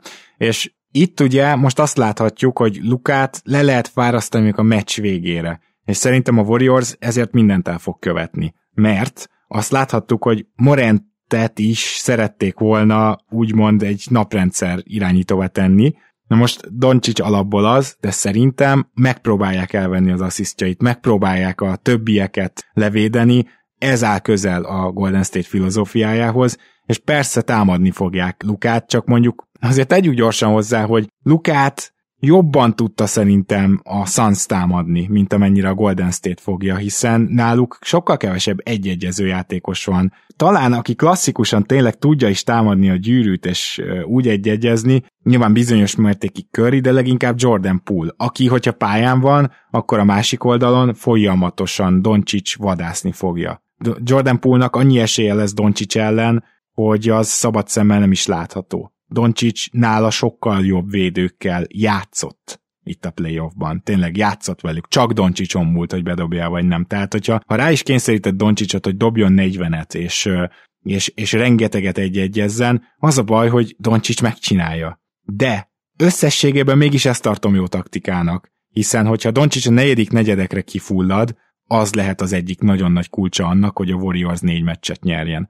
Úgyhogy én biztos, hogy ebbe az irányba mennék, és ráraknám a keményvédőket, akikkel Doncsics küzdjön. Biztos vagyok benne, hogy itt egy-két flagrant is majd elcsattan. Simán. Draymondot is. Uh, és visszafele meg az is annyira no-brainer, hogy Lukát rárakod Greenre. Igen. És rajta pihenteted. Uh, és ráadásul ami ugye, amit ugye Green csinál támadásban, arra pont jó védő Luka, mert nagyon jó bele tud nyúlni ugye a passágokba, jól tud lenni, jól, jó helyen, jó időben tud lenni, és ez pont, te, és nagy ráadásul nem tudja Greenbe lögdösni annyira, úgyhogy pont tökéletes védő. Ha valakire most Luka tökéletes védő lehet, az pont Raymond Green egyébként. Azt is el kell, hogy mondjuk szerintem, hogy itt Maxi Kleber lesz 40 percig a center, és Powell 8 percénél is minden Dallas Drucker térden állva fog imádkozni, hogy ne tartson tovább. Token kezdőség folytatódik Powellnél, de nem fog 17 és, 10, 17 és 20 percet játszani, mint a Sanszeren a 6. és a 7. meccsen tette. Nyilván a 7. meccsen tök mindegy volt, mert az első fél idő után eldőlt, de, de ja, ott itt, itt azért Maxi kell majd, és, és Maxi, hát Wigginsre rakod rá, aztán nyilván vál, próbálsz váltogatni mindent, de valószínűleg ez lesz a felállás. Meg Wigginsről nyilván jobban lemersz segíteni, és akkor itt már el is hangzott az, amit még mondani akartam, itt megbújt az információk között, hogy valószínűleg Green nagyon kevés Luni, vagy akár smallból. Tehát, hogy így center helyzet, az én szerintem lehet, hogy Otto Portert is látjuk centerben. Biztos vagyok benne, hogy a vég, végül a smallból felé kell, hogy menjen a Warriors itt. Ők nem magasíthatnak, még a lepattanó csata nem dominálása árán is, én szerintem támadásban nyerhetik meg ezt a szériát. Bármi más még itt előrejelzésnek, ami érdekes lehet? Szerintem, szerintem jól összeraktuk, megveregetve vállunkat kollektíve, és most már csak a tip van hátra. Yep. Nagyon kíváncsi leszek a tippedre, mert amit elmondtál az alapján, inkább talán a Mavericks felé hajlasz, nem tudom, Egy kíváncsi picit vagy. jobban hajlok a Mavericks felé, de elsősorban azért, mert ez a Warriors csodálatosat küzdött a Grizzlies-zel, és az egészen mesébe illő, hogy kétszer szétlepattanozták őket, hogy, hogy olyan dolgokat tudtak előhúzni, amiben az ellenfél elvileg jobb, tehát ilyen szempontból pozitív meglepetés volt, és az is, hogy Kört azért nem tartottam kifejezetten jó playoff egyzőnek, vagy legalábbis elitnek maradjunk ennyiben soha, viszont például az idei playoffban nagyon-nagyon tetszik, hogy milyen bátran nyúl még a védekezési rendszeréhez is. A támadó rendszeréhez nyilván nem fog hozzányúlni, mert ezt nem lehet megjavítani, vagy jobbá tenni, hanem ez így épült fel, köri köré, köri a pályán van, tehát ezt játszod. Úgyhogy igazából már pozitív meglepetéseket okozott a Warriors, de sokkal nagyobb gondnak érzem és tartom azt, hogy szerintem ők ezt nem fogják bírni. És erre nagyon sok jel mutatkozik, szerintem el fognak fáradni, annyira, hogy most mondok egy tippet, de még akkor sem gondolom, hogy ez a tipp ez elveszti a létjogosultságát, ha kettőn újra vezet a Warriors. Én a között gondolkozok, hogy hét meccsen nyer a Dallas, igen, akár idegenben befejezve a végét, ugye ezt már egyszer megtették, vagy hogy hat meccsen, és én most a hét meccsre fogok szavazni, tehát 3-4 a párharc az én tippem szerint. Én azt hiszem, hogy soha nem szüntem meg Warriors hívőnek lenni. Nem vagyok egyértelmű szurkolójuk, de Curryt nagyon-nagyon szeretem, Clay Thompson játéket nagyon-nagyon szeretem, Green-t is értékelem a, a maga hülyességei mellett. Szókimondó őszinte Csávó podcastjét is szeretem. Én, én mindig hittem bennük, mert, mert tudtam, hogy amíg 30 közelébe vannak, addig ez a mag újra bajnoki címet nyerhet, és emlékszel, ebből volt is némi nézeteltérés közöttünk. Te, te egy, egy ponton azért azt hiszem ezt kijelenthetjük, hogy már lemondtál róluk. Most már nyilvánvalóan te is azért elhiszed, hogy, nyerhetnek még, de azt is tudjuk, és abban mindenképp igazad, hogy nem lesz, nagyon nem lesz egyszerű. Viszont mivel én, én végighittem bennük, és, és addig, amíg nem látom, hogy nem történik meg a tényleges őrségváltás, mondjuk akár Luka kez által, vagy mondjuk ez lehetett volna Morant is, addig azért nem fogok ellenük tippelni, és, és hét meccsen, de én a Warriors-t mondom. Mondjuk az felmerül már most bennem, hogyha ez bejönne, és hét meccsen tud tovább menni a Warriors, én őszintén nem tudom, hogy mennyi benyamaradna a döntőre. Mm-hmm. Attól függően, hogy mi történik a másik oldalon, de, de ott már lehet, hogy egyébként akkor ellenük tippelnék. Most még nem, és nagyon kíváncsian várom ezt a, ezt a párharcot, mert hát amellett nyilván, hogy bízakodom, és, és természetesen bízom abban, hogy tévedek, és a Mavericks nyerni tud, el tudok képzelni azért mindenféle, mindenféle végkimenetelt itt. Egy, egy legendás csapat utolsó futásainak egyikét látjuk, és lehet, hogy még nincs arra, még nem jött el az idő arra, hogy a Warriors mint csapat meg lehessen verni. Lehet, hogy még van annyira jó ez a csapat, hogy most még ezt úgy utoljára megcsinálják, és amíg nem látom, hogy hogy nem estek ki, addig, addig nem tudok egyszerűen ellenük, ellenük tippelni. Hm, de akkor ez egy hét meccses Warriors tipp, ugye? Hét meccs Warriors, így van. Jó, akkor Warriors. menjünk át a másik oldalra, ahol, amit már az adás elején pedzegettünk. Na most nyilván az, hogy Horford kiesett, és az, hogy Smart még nem áll rendelkezésre, illetve a másik oldalon Lowry, az még nem mutatja meg ennek a párharcnak a, a teljes díszét. Még, még nem láthatjuk a csapatokat teljesen egymásnak esni, és az sincs kizárva, nem tudom ezzel a Lowry sérüléssel mi lesz, hogy ez, ez nem is történik majd meg. De az biztos, hogy itt két olyan védekező potenciállal rendelkező csapat áll egymással szemben, hogy olyan vérfürdőket láthatunk majd, ami az első meccs nem volt, mert az első meccsen a harmadik negyedben a Miami körülbelül egymás után szerzett öt labdát, és annyi könnyű kosarat dobott, mint szerintem az egész széria során fognak a csapatok kb. Szóval, hogy nem csak az, hogy 89-88-ra nyert meccsekre van esély, kilátásban vannak ezek, hanem azt is szeretném mondani, hogy ez a két csapat olyan szinten tudja majd tönkretenni a másik egyébként nem túl acélos támadójátékát, hogy néha előszoktuk ezt venni, hogy igen, igen, hatalmas klissé, hogy a triplák dönthetnek, de a playoff párharcok nagy részében nincs ez így. Tehát a hatodik, hetedik meccsekre lesz így egyébként. A playoffban sokkal kevésbé jellemző, hogy a dobóforma dönt, mint, a, mint az alapszakaszban. Na de itt, Na de itt, amikor tényleg nagyon tönkreteszed a másik játékát, amikor sokszor kell majd például akár emberről triplázgatni, akkor egy jó dobóforma sokkal jobban eldöntheti. Alapból egy jó dobóforma egy 90-100 pont körüli meccset jobban eldönthet. Úgyhogy a legmegjósolhatatlanabb párharcnak tartom eddig az összes playoff párharc közül ezt, és most ezt kicsit úgy mondom, mintha nem láttam volna az első meccset, mert, mert abból azért egy-két dolgot majd le kell vonnunk következtetést. Ami vicces egyébként, hogy láttuk ezt az első meccset, és uh, én például írtam egy cikket a büntetőre erről a párharcról, és ugye mind a kettőről logikusan, mind a két konferencia döntőről, és ott azt jósoltam, hogy hát itt 100 pont felett szorványosan lesznek a csapatok, és egyből dobott itt is 110 mennyi 5-6 pontot, és a Celtics is azért 110 vagy 100 pont felé, felé jutott 107, 8, 9, valami ilyesmi volt, de ők se voltak azért messze 110-től. Ez már önmagában meglepetés számomra, hogy így tudtak kezdeni, főleg a hit, mert ahogy a hit kinézett időnként a Sixers ellen támadásban, hát azt nem raktad ki a polcra, ehhez képest nagyon-nagyon jól teljesítettek most a kiegészítők is. Strass a második félidőre nem hogy felé lett, hanem, hanem extra lett, és hát Jimmy Butler folytatja a hát legalább legrosszabb esetben top 3-as, NBA top 3-as szint, szintű játékát a play Nem tudom azt, hogy honnan jött ez, mert Jimmy Butler egyébként, és erről beszélgettünk a formon is, azért egy remek playoff játékos volt eddig is, tényleg jól játszott mindig a playoffban, de nagyjából hozta azokat a hatékonysági statokat, mint az alapszakaszban, tehát ugye emelni rajta nem feltétlenül tudott, mint mondjuk egy Jokic, mint mondjuk egy Jordan, mint mondjuk egy, uh, mondjuk egy LeBron. LeBron vagy Kawai, igen. Kawai, Kawai talán a legjobb példa erre, ugye extra, mert ő azt három uh, százalékponttal jobb TS-ben, play mint az alapszakaszban, ami teljesen őrült egyébként. És, de mindegy, szóval nagyon jó volt azért Butler, de nem, nem ennyire jó basszus. Tehát most konkrétan eddig a play ban olyan liga MVP szinten játszik. Tehát most a Jokic Embiid és Jannis vonalon van gyakorlatilag. Csak a play ba hozzá a szemben az alapszakasz egyébként nem volt nagy szám, ami fel is veti bennem azt, hogy talán rápihentek kicsit erre a playoffra, mint gondolsz? Nem tudok ebben sose válaszolni, mert hogy így létezhet ilyen, hogy rápient. Azt látom, hogy máshogy játszik, azt látom, hogy ráemeli a triplákat, de érted, az alapszakaszban is harcoltak ki a kis büntetőit, belement a fizikális játékba, és alapból igen, olyan igen. típusú játékos, aki nem tud rápienni semmire, tehát ő meg Larry meg Tucker azért brutálisak egy csapatban, mert ezek amíg bírnak járni, addig játszanak. Annak igen. Egyébként ugyanazt csinálja Jimmy Butler, nagyjából a triplákat lesz, amit vagy mint, a, mint az alapszakaszban, csak még agresszívebb, még nagyobb usage, még nagyobb játékperccel. Hát nyilván eddig, vagy nem nyilván, de nyilvánvaló, de eddig a hatékonysága is jobb, ami azért meglepő. És én bennem azért felmerül a kérdés, hogy ezt meg tudja még csinálni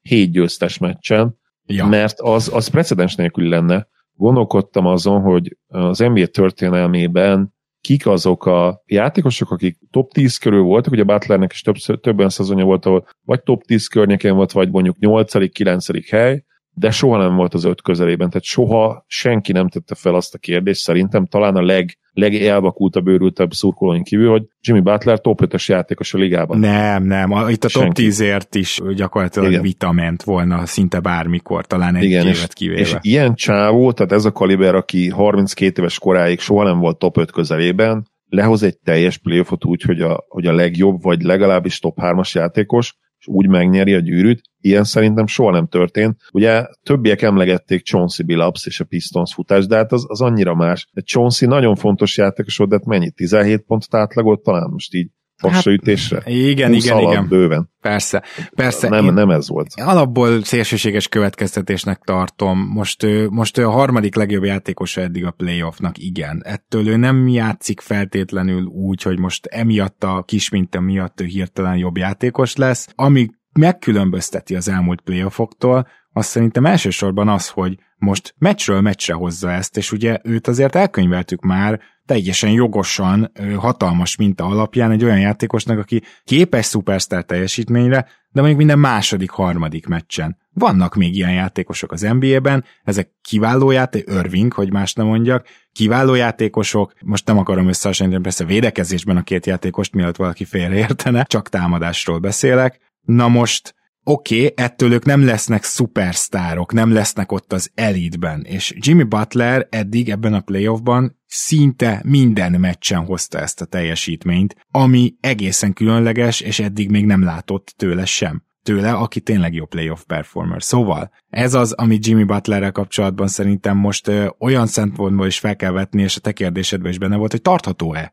Mert nem volt rá példa az ő karrierjében sem és szerintem nem, nem tartható egyrészt, másrészt pedig most olyan védőkkel fog szemben állni folyamatosan, főleg, hogyha kiegészülnek, és hogyha Smart is megjelenik, akik igenis tudnak neki rosszabb napot okozni, ha például a triplája nem sül annyira, mert ez egyszerűen nem automatikus. Hogyha például a betörésein kicsit kevesebb faltot fújnak az, a, azon az estén a bírók, biztos vagyok benne, hogy lesz gyengébb meccse. Ami félelmetes a hídben, az az, hogy még Lauri nélkül is azok a játékosok, akiket egész évben felépítettek és beépítettek, és még a végén Oladipo is hozzá tudnak rakni ilyen szinten is, mint a konferencia döntő első meccse. Szóval azért sokszor láttunk már olyat, hogy felépítenek peremjátékosokat, egyre többet játszanak, és a playoff első körében mondjuk még mutatnak jó teljesítményt, aztán azért leszűkül a rotáció 6-7 emberre a legvégére, és ott már ezek a játékosok nem tűnnek annyira jónak. És a Heatnél ez fordítva van. Ahogy mondtad, Strass például elképesztő teljesítménnyel rukkol elő a második, vagy bocsánat, Gabe Vincent elképesztő teljesítménnyel rukkol elő a második félidőben,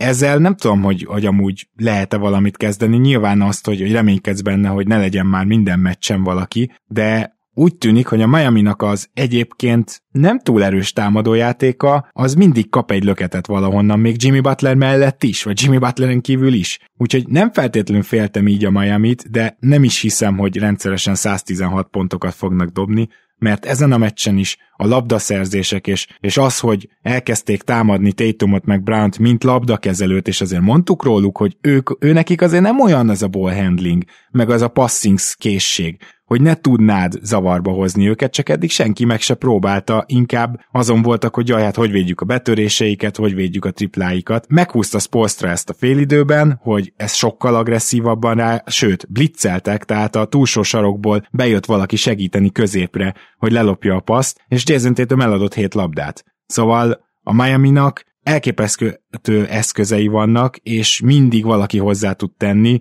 Amit a Sunsról elmondtál, emlékszel, hogy ilyen milyen tökéletesen működő csapat? Azt igazából a playoffban a Heat hozza. Igen, és az az igazán rémiszt a hídben, hogy, hogy mennyire sokoldalú védekező csapat. Ja, fú. Azzal, hogy azt mondjuk, hogy elit védekező csapat, azzal még majd, hogy nem, nem mondtunk semmit, mert van, van és volt egy csomó NBA csapat a, a liga történetében, akik a saját, ahogy ők akartak védekezni, úgy tudtak elit védekező teljesítmény nyújtani. De a Heat úgy tud elit védekező csapat lenni most, és ez nem annyira új találmány. Tehát ugye Spolstra csapatai mindig jó védők voltak, de, de amit most itt felépített, és amire te is azt mondtad, hogy, hogy ha jól emlékszem, azt mondtad, hogy esélyük van minden idők egyik legjobb védekezését összerakni Igen. ezzel a mostani garnitúrával, az, az egészen hihetetlen, és amikor kifutnak egy ilyen második félidőre, oké, okay, ők nem voltak rosszak ugye a, a deflectionben, a, a beleért labdákban eddig se, de nem elsősorban az jellemző rájuk, hogy, hogy minden áron egy millió labdát el akarnak lopni. Ők az alapszakaszban középmezőnyben voltak, ugye Igen. a deflectionben is, meg ha, ha nem csal az emlékezetem, ugye konkrétan stílekben is. Most Tehát kikényszerített ellenfél TO százalékban, az lesz itt az érdekes. És most kijönnek tényleg a második félidőre egy, egy ennyire agresszív, de közben meg teljes mértékben kiszámított és, és, és tervszerű védekezésbeli for, formációnak is nevezhetjük ezt nyilván, mert, mert az is kellett, de, de inkább hitvallás és, és hozzáállás, és, és nem, hogy működik, hanem onnantól kezdve gyakorlatilag esélye nem volt a, annak a Celticsnek, amíg dominált őket az első félidőben. Közben megnéztem, a Miami Heat harmadik lett már az alapszakaszban is ebben a tekintetben, úgyhogy ezt egyrészt rosszul tudtuk, de másrészt pedig nyilván azért, mert a Raptors meg a Timberwolves nagyon magasan volt, illetve egy csomó ideig a Memphis Igen. is ebben, szerintem nem szerepelt annyira az agyunkban, hogy ebbe a kategóriában Miami-t megemlítsük, tehát ők azért jók voltak labdaszerzésben. De ez nem mond semmit. Hogy Steel per game ott viszont 13-ok voltak, tehát a, ugye 7 és fél meccsenként. Aha, na igen, ez viszont fontosabb info, mert most ugye most, most ezzel érvényesülnek, és nyilván én az opponent turnover százalékot néztem, ami, ami a rossz passzok kikényszerítése, és az pedig az ilyen védekezéseknek a, a sajátja, amikor kidobatod ugye az ellenféllel a pályáról a labdát. A Celtics ugyanakkor, a másik oldalról pedig szintén egy nagyon-nagyon sok mindenre képes védekező csapat, akik tudnak szinte mindent váltani egytől ötig, de nekik szerintem Horford, ez a, ez a hihetetlen időutazásban résztvevő Horford és Smart nagyon kell azért ahhoz, hogy ezt folyamatosan működtessék, és most persze az adott labdákat emeltük ki az első meccsről, mint a legeslegfontosabb faktor, de azért a Heatnek most a félpályás támadása is relatíve jól működött, és ezt nem engedheti meg magának a Celtics, ha itt nyerni akar. Tehát a leges legfontosabb alap, hogy védekezésben egy olyan rátán kell tartaniuk a hítet félpályánál, hogy a hít még akarjon is inkább rohanni, mert hogyha ott sem tudják őket megfogni, akkor szerintem a Bostonba nincs elég támadó erő, és nincs elég, lehet, hogy egy-egy fantasztikus Brown meccs, egy fantasztikus Tatum meccs van, lehet a visszatér Horford megint dob egyszer 25-öt, de ezzel nem, szerintem ezzel nem lehet tovább jutni, tehát a legfontosabb nekik az lesz, hogy, hogy a védekezést azt összerakják, és ez biztos vagyok benne, hogy nagyon kell majd Smart is, és hogy Horford is minél hamarabb visszatérjen. És éppen ezért szerintem bajban van a Miami, vagy a, a, a Boston, mert nem tudom, egyetértesz velem, de Larry hiányát sokkal kevésbé érzi most a Heat, mint ennek a két játékosnak a hiányát a Celtics. Ja, ez a baj, hogy itt annyi, akkora csalás, hogy láttunk már egy meccset, hogy, Igen. hogy egy kellemetlen bármit mondani, mert megmondom őszintén, hogy ezt tegnap vettük volna fel, én, én a Celtics-et éreztem volna jobbnak. Jó, de mentsünkről szóljon, nem tudtuk, hogy se Smart, se Horford Igen. nem lesz. Hát a védekezésük két legfontosabb, talán legfontosabb láncszeme az ebben a play ban Igen. Uh, nem, hát ez Tédum mellett ők hárman a legfontosabbak, az valószínűleg teljesen egyértelmű. Szóval ezt tudva valószínűleg már másképp tippeltem volna, és itt úgy érzem, hogy ez is ilyen evidenciának fog hangzani, vagy akár lózunknak, hogy, hogy itt nagyon-nagyon fontos a második meccs. Tehát a, a Celtics ebben a párharcban szerintem nem, egyszerűen esélytelen kettő óról, mert annyira uh, akkora, egyszerűen akkora teher lesz rajtuk az éppályán, és, és, és tényleg ez jellemző rájuk, ami egyébként a hitre is kicsit jellemző. Nagyon hasonló ez a két csapat Így van. összességében, hogy mindent elváltanak, és ami gyengességük az a támadásbeli üres járatok, és, és hogy hajlamosak egyszerűen támadásban kicsit fakezűvé válni, és, és nem mennek bedobások. Szóval, ha ilyen teherrel mész hazai pályára, úgyhogy egyébként jellemző ez rá, hogy időnként bedeszkázzak a gyűrűt, akkor az egy olyan pszichológiai nyomás, amit szerintem nem lehet áthidalni. Egy-háromra fordulnának. Igen. igen. Meg, meg azt akarom mondani, hogy a pszichológiai nyomást, hogy hogyha tippelnem kéne, akkor nem a Celtics fogja jobban bírni. Tehát a, ahol, ahol ott van Larry, meg Butler, meg Tucker, az a csapat, az, az ebben valószínűleg világverő. Igen, és hiába van tapasztalata a Celticsnek, ezzel, ezzel is beszélgettünk, a, ezt is beszéltük az admin hogy voltak ők már konferencia döntőben, Térum első évében igen. újonc évével már konferencia döntőbe voltak. 2020-ban megint konferencia döntőbe voltak, de nagyon sok olyan párharcuk volt, ahol vagy ők nyertek simán még korán, vagy utána simán kikaptak relatíve. Nyilván volt hét meccses is, nem azt mondom, hogy nem. Például ugye a hit ellen, ha jól emlékszem, a 20-as az, az hét meccses volt, nem, de a Raptors. A Raptors volt. A Raptors, bocsánat, igen. igen. Egyszerűen még nincs meg az a big game experience nekik, sem Térumnak, sem Brownnak, ami még kell. Tehát még egy picit, még mindig talán mondhatod azt érvelt szemelet, hogy még egy kicsit tapasztalatlanok, és lehet, hogy egyébként pont ez az év kell majd nekik ahhoz, hogy, hogy jövőre mondjuk felérjenek a csúcsra, vagy ha esetleg kiesnének, akkor nyilván így magyaráznám, és, és pozitívat, pozitívumot találva abban, hogy, mi, hogy kiestek, akkor ezt mondanám, hogy oké, okay, most még nem álltak készen, de jövőre már készen állnak. Kicsit az a mantra, amit a memphis kapcsolatban is mondtunk, csak a Celtics azért már előrébb tart, de, de lehet, hogy ez kell nekik, és én mindig nem írnám le őket, de, de nyilván most ma fogunk tippelni, ismerve az első meccset, természetesen én is most már itt a, a hitet fogom tippelni, pedig a, a cikkben egyébként 4-2 Celtics-et mondtam, de hát nyilván értető okokból. Én kitartok a 4-3-as tippem mellett. Nemes egyszerűséggel azért, mert szerintem az lesz, hogy Bostonban a Miami nem fog tudni dobni. Tehát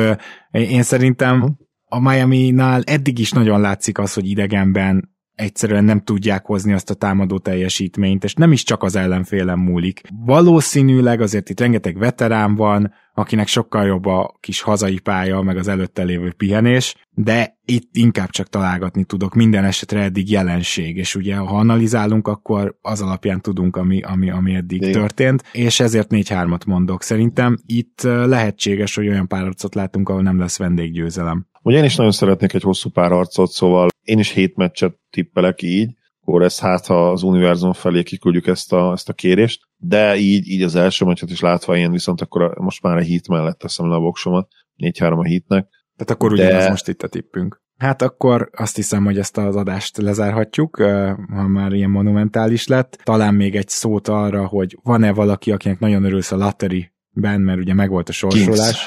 Kings, Kings, Kings, Kings. Jó, én meg a Magicnek. Sipos Gábor néző hallgatónknak már írtam is Facebookon. Nagyon-nagyon örülök. Nyilván top 3 még jobb lett volna, mert az még több opció, de a negyedik helyen is lesznek azért. Lehet, hogy elmegy a Banchero, Holmgren és ugye Jabari trió az első háromba, nem, nem lehet, hanem mondjuk ki biztos, viszont nagyon-nagyon jó opcióik lesznek még utána is. Például akit én lehet, hogy elvinnék a negyedik helyen, és ez abból a szempontból érdekes lehet, hogy hogy hát poszt totál telítve van, ugye Fox játszik ott, és Davion Mitchell is ott van, én elnek, ennek ellenére vagy Jaden Ivy-t elviszem, nem érdekel, a negyedik helyen, vagy egy még merészebbet húz, húzok, és Shadon Sharpot, aki nagyobb méretű, mint Fox és Mitchell, és én nagyon-nagyon sokat látok benne Shadon Sharpban. Megmondom őszintén, hogy én, én Holgramet vinném az első helyen, és utána lehet, hogy na, mondjuk Jabarit, Jabarit azért nem hagynám benne, de de harmadik helyen szerintem elvinném Shadon Sharpot, és, és me- megkockáztatnám, hogy,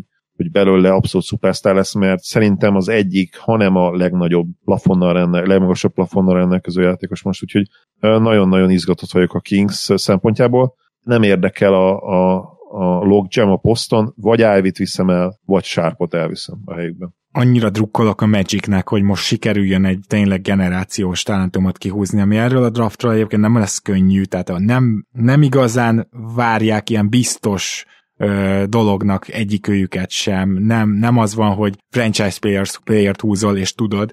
Tehát jót kell választani. Azért lesz egy, lesz egy Hall of Fame a top 4-5-ben, csak meg kell találnod, hogy melyik. Csak meg kell találnod, hogy melyik, de ha ez sikerül a Magicnek, ezzel a tök ígéretes, atletikus, fiatal maggal elkezdhetnek végre egy olyan utat, amit talán Dwight Howard óta nem sikerült bejárniuk. Úgyhogy én nagyon-nagyon örültem az ő első helyüknek. Szerintem ezzel akkor köszönjünk el.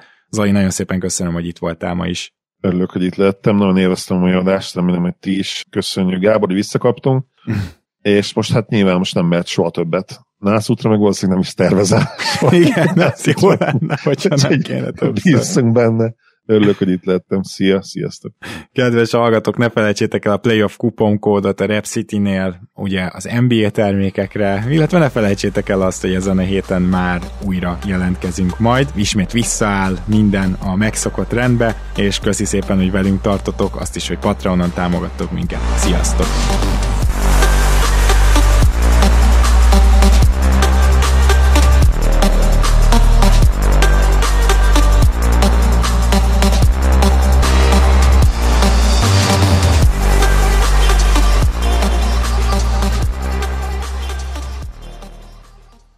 Ha más podcastekre is kíváncsi vagy, hallgassd meg a Béton műsor ajánlóját. El tudod képzelni, hogy a podcastet, amit éppen most hallgattál, fél év múlva már a mesterséges intelligencia generálja? Mi sem. De ha érdekel, eljötte már a gépek lázadása. Hallgass bele az Embertelen podcastbe. Orsós Lajos vagyok, a műsor házigazdája. Egyelőre még élőben. Egyelőre. Fedezzük fel együtt, hogyan ismerkedik, randizik, mesél és vitatkozik Betty és Péter, két teljesen mesterséges intelligencia. Lajos, a podcast címét mond még egyszer, Léci. Oké. Okay. Embertelen podcast. Ez a műsor a Béton közösség tagja.